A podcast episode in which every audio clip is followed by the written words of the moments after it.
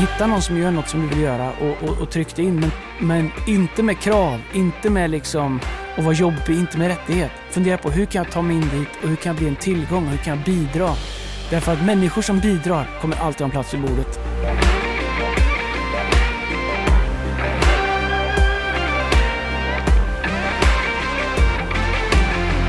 One, two, one, two. Alla vi One, two. längtar efter Sommar. sommaren. One, two. Alla vi. One, two. Yes. One, two. Vet du vad som är, vet du, vet du vilken dag som är den internationella ljudteknikerdagen? Äh, nej. Vissa. Gissa. Eh, One, two, one, two. 12 december. One, two, one, two. Det är sant. Eller första februari. One, two. Ja visst, men alltså jag vet 12 12 menar jag. Ja, ja, One, two, one, two. Man säger alltid två gånger. Men du längtar efter sommaren eller? Jag längtar efter Varför då? Nej, men Det är gött med lite krisp. Ja, nej men det här tycker jag är bra. Det här är ju så här eller sommar. Ja. Inte det här slasket som är alltså. Mycket snö. Mycket snö. Gärna runt 10 minus. Ja. Mycket snö inne i stan. Jag undrar vad de gör av snö. Alltså de... Det dumpar med Nybroviken någonstans det här. jag vet inte vad det gör.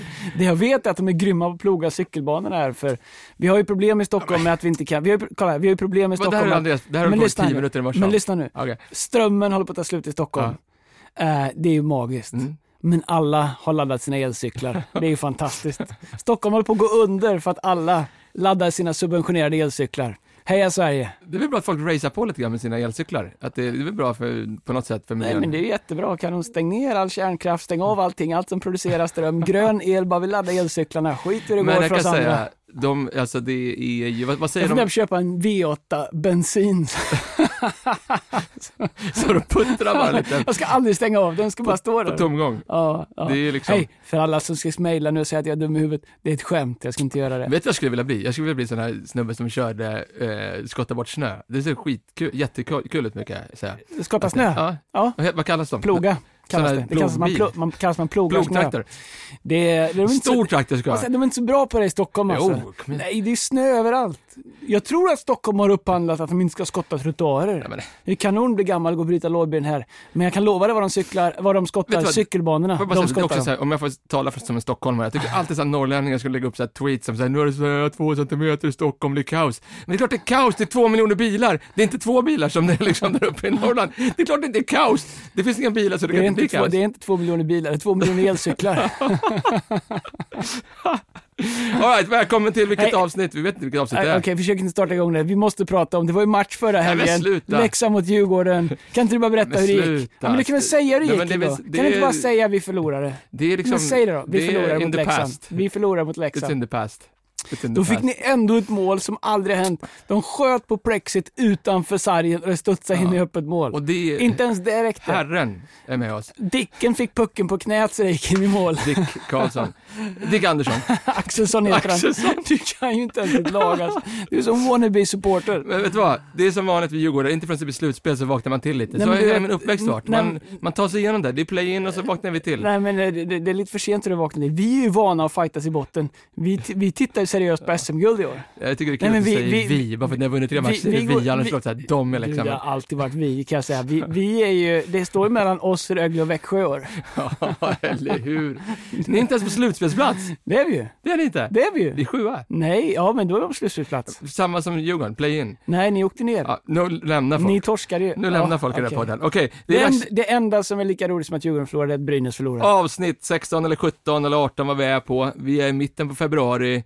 Det är torsdag. Det är Fearless-podden. Du, ni mejlar oss på fearless.hillson.se. Jag tycker ni mejlar lite dåligt sista veckorna. Eh, så, Alltså, det- men vet du vad som är? Det är sjukt att folk lyssnar på det fast vi håller på att tjata om hockey. Ja. Det, det här är ju en av Sveriges mest lyssnade poddar faktiskt. faktum att det är det. Ja. det jag fick eh, nya statistiken från både Apple och någon annan och eh, vi är tvåa. Ja, Vi gillar för inte vara tvåa. nej. Eller Kom hur? on, hjälp oss. Sprid podden. Tvåa, Sveriges näst största. Vi har aldrig varit näst. Vi, ja, kanske. Vi, vi, vi tycker om att ligga högt upp så uh, sprid den här till alla Känner. In och lyssna. Så ska vi försöka leverera ännu bättre content. Mycket bra. Idag Andreas, Mm. så ska vi prata om en undervisning som du hade i morse. Eh, vi skrev så här, när en generations tak blir nästa generations golv. Ja. Vi ska prata om när taket blir till golvet. Mm. Eh, och du hade sju punkter, vill du sätta upp det lite kort, vad du, vad du menar med det? Ja, men Jag tror så här, alla organisationer, alla ledare, äktenskap, allting som vi gör eh, har ju olika tak. En del är synliga, en del är lite mer osynliga. Man pratar ibland om glastak, äh, ba- saker man behöver bryta igenom för att kunna fortsätta växa. Om vi nu säger att vi växer på höjden. Ehm, så når man olika tak. Det kan vara att organisationen är för dåligt strukturerad. Det kan vara att våra personliga vanor som vi har i våra liv hindrar oss från att fortsätta växa. Olika tak som finns. De flesta människor, eh, när de når ett tak, de börjar anpassa efter det. De slutar växa, de börjar krympa. De, eh, det är lätt att hamna i ett status quo. Men jag tror att som ledare så behöver vi bryta igenom de taken. Och eh, för oss så finns det ett ännu längre perspektiv, nämligen att vi vill att nästa generation som tar över efter oss, att det som är våra tak, det ska vara deras golv, där de börjar ifrån. Det här pratade jag om för tio år sedan.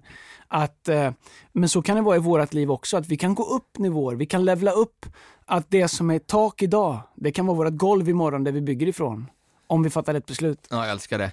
Och jag, jag tycker att det är något som jag hört dig och pastor Brian pratat om i, i decennier. Ja. Om hur det ska vara. Finns det något mer attraktivt än en ledare som bestämmer sig för att, vet du vad, det, liksom, det Gud har gett mig eller de skills eller gåvor jag har ska inte liksom bara sluta med mig, utan, utan mitt tak ska bli till golvet. Ja. Berätta hur du försöker tänka där liksom, så att du tänker liksom att det inte bara någonstans slutar, nu är du klar, nu, nu är inte du klar på långa vägar, men förstår du jag menar? Hur, liksom, hur redan tycker nu... det är dags eller? Nej, men jag säger, jag, jag säger bara att du inte liksom, Nej, jag är inte du klar. är en av de äldsta på stan. Och jag anställer bara äldre än mig nu så att vi ska, jag ska känna mig yngre. Aj.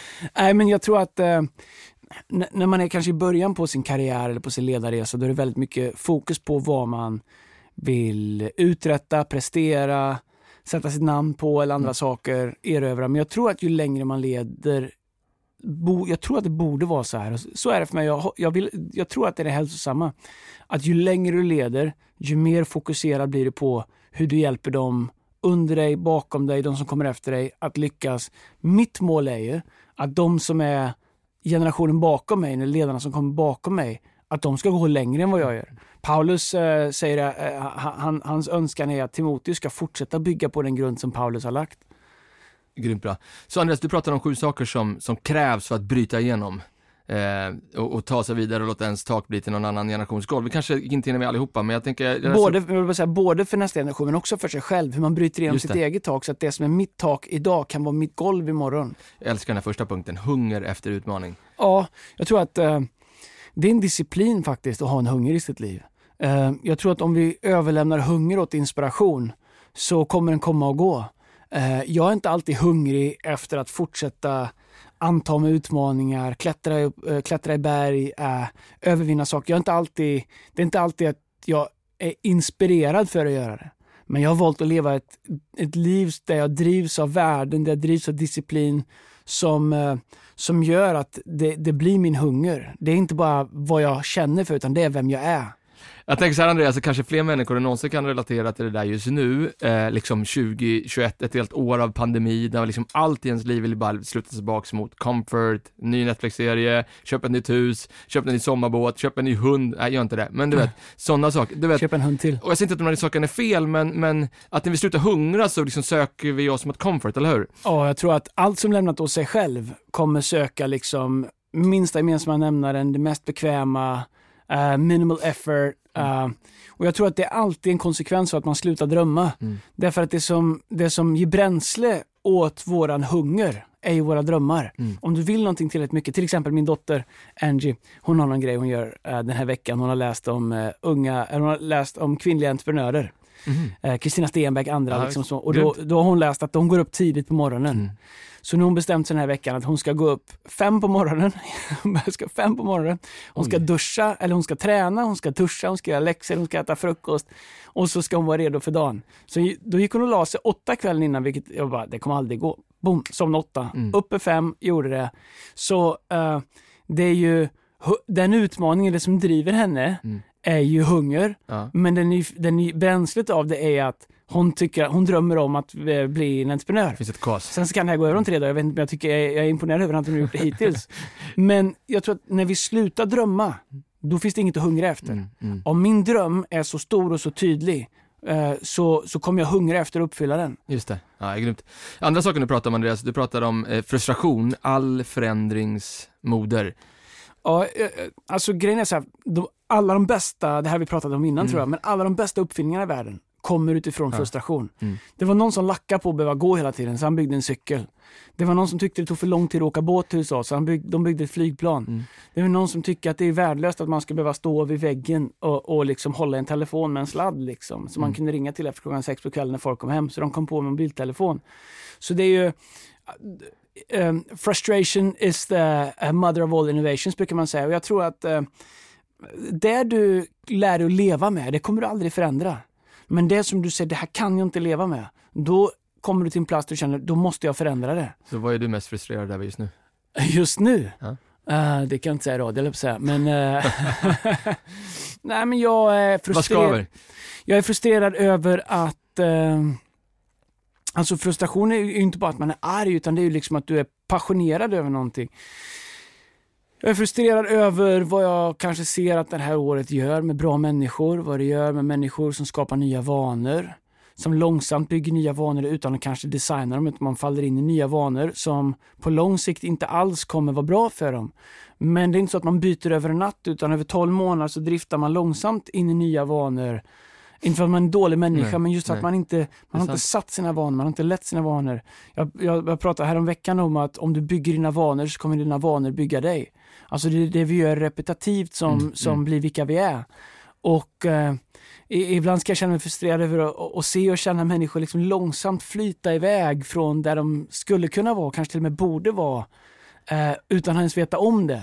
Jag minns ju, jag, jag kan ju gå tillbaka många gånger liksom där, där jag har suttit i möte med dig, där du har varit frustrerad eller vi har varit frustrerade över saker och vi kan dra linjen tillbaks till liksom This is Christmas och det gäller påsken och så vidare. Mm. Jag minns ett möte, när du, när du undervisade morse så kom jag att tänka på ett möte som jag vet att du hade med någon person som sa att ni bygger ju ingen riktig kyrka, ni bygger ju bara en sån här ungdomskyrka. Du vet att du var lite smått frustrerad, eller hur? Ja, det var, det var, det var bra. jag hade möte med en eh, pastor i stan här, var ganska ny, vår kyrka var ett år kanske, vi var väl 150 pers, 200 mm. kanske. Uh, och, och, han menar väl väl, jag vet inte vad han menar, men han sa Andreas, ni är ju ingen riktig kyrka, ni är ett lovvärt ungdomsinitiativ. Ja, mm. Gå med hos oss istället så, kan, så får ni administrationen löst. Jag bara tänkte, vi har ingen administration, vi har inget problem. Men för mig så tänkte jag bara, okej, okay, vi är ingen riktig kyrka, vi är ett gulligt litet ungdomsinitiativ det var ju bränsle i fem år åt mig. så det var ju, det var ju, det var ju Men vad gör du då för att, för att det ska bli bränsle och att det inte ska bli, för så många blir så här, blir bara arga och så börjar de trashtalka på sociala medier eller något annat, eller de går ner sig själva eller tappar självförtroende. Vad gör du för att göra liksom frustration till, till bränsle? Nej, men jag tror att du måste ha en plan, du måste ha ett kas. Var är du på väg i riktning? riktning? Därför att frustration, it's a two way street. Det är ett dubbelläggat svärd. Mm. Jag har haft säsonger, det vet du som har jobbat nära mig, när min frustration inte har kommit ut på rätt sätt. Mm. När jag är frustrerad egentligen, kanske jag är frustrerad över något annat som jag kanske inte ens riktigt har identifierat än. Men bara känner att det är något här som är fel och jag måste fixa det och jag känner bördan och ansvaret att fixa det, men jag, jag vet inte riktigt vad det är. Så då går man och läcker frustration åt alla håll och det enda man gör är att man, det blir destruktivt för alla, liksom. det blir oproduktivt. Folk blir nervösa, folk slutar ta initiativ, folk blir rädda för att göra fel. Men jag tror att en frustration som kanaliseras, där du helt plötsligt identifierar vad är det vi ska fixa, hur ska vi fixa det, hur lång tid ska det ta, vilka resurser ska vi ge det och sen så bestämmer du, okej okay, nu, nu har jag gjort det, det enda som är kvar då är hårt jobb. Mm, och mm. hårt jobb mäter inte jag.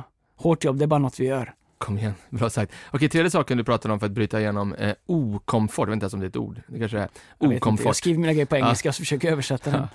Ja. Eh, okomfort, alltså, jag tror så här, det här är en ledarpodd. Mm. Om du vill vara en ledare, då kan inte komfort vara någonting som, är, som du siktar mot. Eh, komfort det är att sitta längst bak i bussen och inte veta. Liksom. Du ligger liksom, om du åker en lång buss, då åker, du ligger liksom 30 meter bakom där ratten sitter. Om du är nöjd med att bara åka med, det är fine. Men om du var en ledare, då måste du vara beredd att gå där ingen annan har gått. Jag tänker på Mose när de lämnar Egypten. Så fort de har kommit ut i Egypten så kommer de till Röda havet. Mm. Det är okomfort. Folket börjar säga, Mose varför tog du oss ut hit för att dö? Faraos armé kommer och skulle ha ihjäl. Och Mose vänder sig till Gud och säger, Gud har du någon lösning? Men hela den situationen är okomfort. 40 år snurrar de i öknen innan de kommer in i det som har lovat dem, okomfort. Så mycket kommer ifrån okomfort. Jag kommer ihåg när vi Första resan ner till Sydney när jag skulle åka ner dit, vi skulle hilsa och lära känna Brian. Du vet så här, det var ju, vi hade ingenting, jag käkade ibland inte flera dagar. Det var liksom inte, men, men det, jag, det jag vann och det jag, det jag fick och det jag siktade mot, det jag ville ha, det var värt så mycket mer än det jag behövde offra för att få det. Jag tror att när det du siktar efter är värt mer än komfort är värt mer. När du, du känner att det är enkelt för mig att avstå de här privilegierna, enkelt för mig att avstå de här liksom sköna grejerna för att det jag försöker uppnå är värt så mycket mer. Då kommer du bryta igenom okomfortsbarriärer. Och grejen är så här. Det här är en av de sakerna som är mest definierande på vi, vi, liksom hur långt du går som ledare. Mm. Alla kan läsa samma böcker, alla kan lyssna på samma poddar, alla kan liksom eh, försöka replicera, om vi är i kyrkan, alla kan lyssna på Craig eller på Brian och försöka liksom sno deras grej. Internet är en enda stor snogrej. Liksom. Den nya grejen är att ta liksom ledarskapscitat som någon annan har sagt, som alla redan läser och skriver sitt eget namn på den som inte alla fattat. Och skit i det. Men jag tror så här, de som verkligen sticker ut, de som verkligen kommer gå någonstans, det är de som är beredda att övervinna den mänskliga faktorn att hela tiden söka komfort. Verkligen, verkligen. Okej, fjärde saken du pratade om, eh, för att bryta igenom, att, att, att hitta någon att ta rygg på. Mm. Att hitta någon att ta rygg på. Kanske det är en art som håller på att liksom förloras. Där alla skriver sin egen sanning och vi har pratat ganska mycket om det tidigare i podden sådär. Men, men eh, förklara, vad menar du? Nej men jag, så är det. Och det är ju, å ena sidan så blir samhället bättre och bättre därför att det blir eh, equal, det blir liksom jämlik och allt det är vi för och jobbar hårt för vår organisation även om vi alltid blir bättre. Men i det så finns ju också en risk att liksom när alla dyker upp och stjärnor från första dagen, liksom, alla dyker upp och mamma har sagt att du är bäst och, och då är jag det.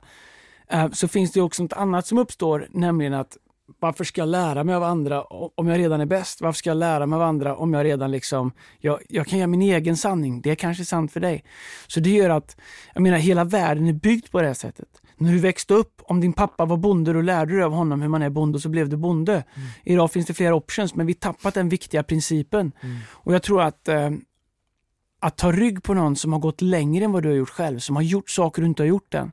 Det är ju idioti att tänka, jag går min egen väg. Det du egentligen säger är att jag vill, jag vill eh, möta alla hinder som andra redan har gjort och lärt sig av. Så istället för att lära dig av någon annan så tänker du, jag är stark, jag gör det själv. Du kommer inte kunna gå lika långt. Jag tror att uh, det, det, är en two-way street därför att å ena sidan så uh, så behöver vi liksom människor som inte bara försöker springa sitt eget lopp och inte bry sig om andra. Du behöver liksom, om du har gjort det här ett tag, du behöver, du behöver låna din rygg åt andra. Mm. Vi ser på skidor älskar vi i Sverige, jag älskar Vinterstudion. Oh. Att få ligga tvåa, ligga i, dra- i, bakom, i backdraften mm. på den som ligger först. Mm. Då kan du åka med lite grann. Uh, och uh, jag hörde en bra story, jag vet att vi inte har tid, men coach Tom Mullins uh, eh, sa i söndags att eh, när, han var, när han var rookie mm. på sitt första college, som college, NFL. Uh, college, i college, han var rookie i college, mm. Mm. så skulle de liksom, köra idioten, springa fram och tillbaka. Mm. Och han, var, han höll på att kräkas, de fick inte dricka vatten, det här var länge sedan, för det, då sa de water is for weak people. så de fick inte dricka vatten, de bara sprang, sprang och spydde. Uh, och Uh, så han sprang, han tänkte jag kan inte ta ett steg till. Helt plötsligt när man var på väg upp så kommer deras star quarterback som är liksom the man, kommer upp bredvid honom och han säger Hey, stay with me. Mm. Och, så, och sen så lärde han honom hur man pastar sig. Så han sprang tillsammans som första rookie, ingen visste ens knappt vad han hette, men star quarterbacken som var en ledare kom upp och sa Hey, run with me. Och så tillsammans med honom så klarade han all, alla vändor. Så jag tror att det, det är en two way street.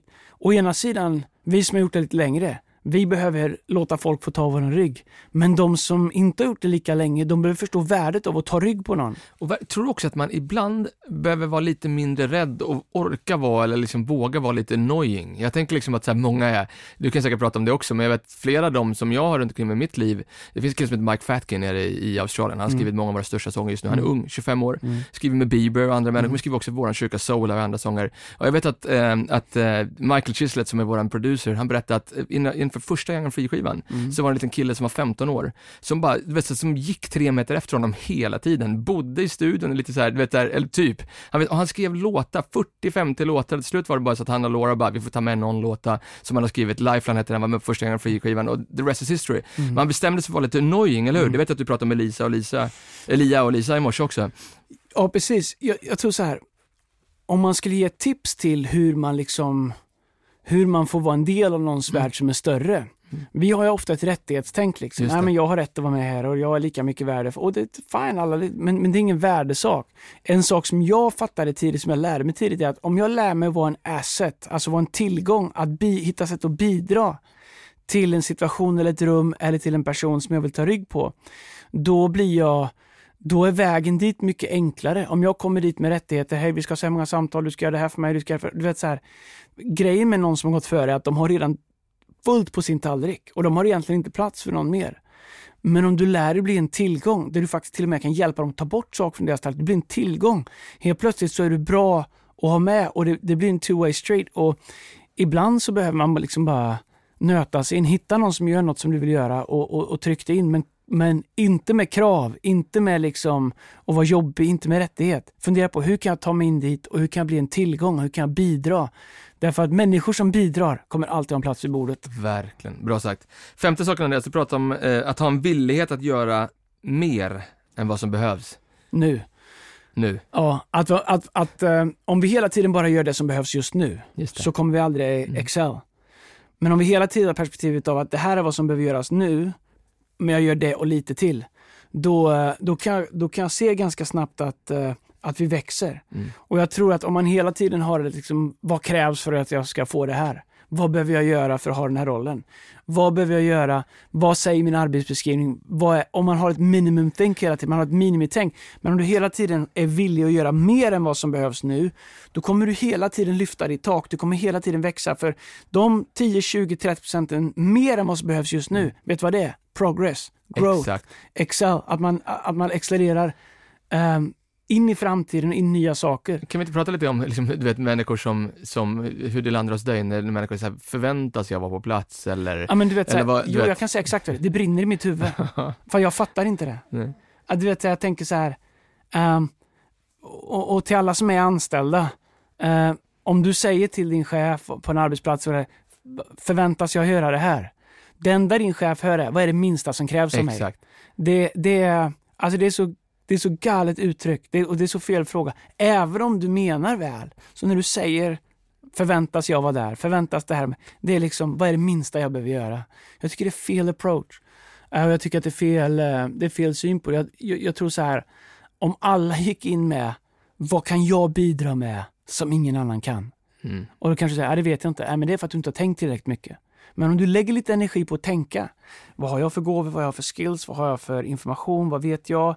Vad har jag för förkunskap? Vad kan jag bidra med? När du går in i ett möte, vad kan jag bidra med som ingen annan kommer göra? Mm. Då hittar du en edge och då är villigheten att göra lite mer än vad som behövs. Men jag lovar dig, it's gonna work for you. Verkligen. Okej, commitment to process. Det Ja. älskar du.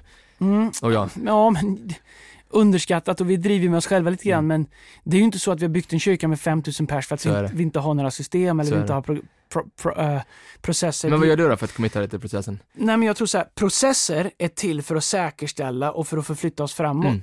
Grejen som vi fightas mot lite ibland, det är att om det är häst eller kärra. Just det. För att jag ser alldeles många organisationer som börjar tjäna sina processer.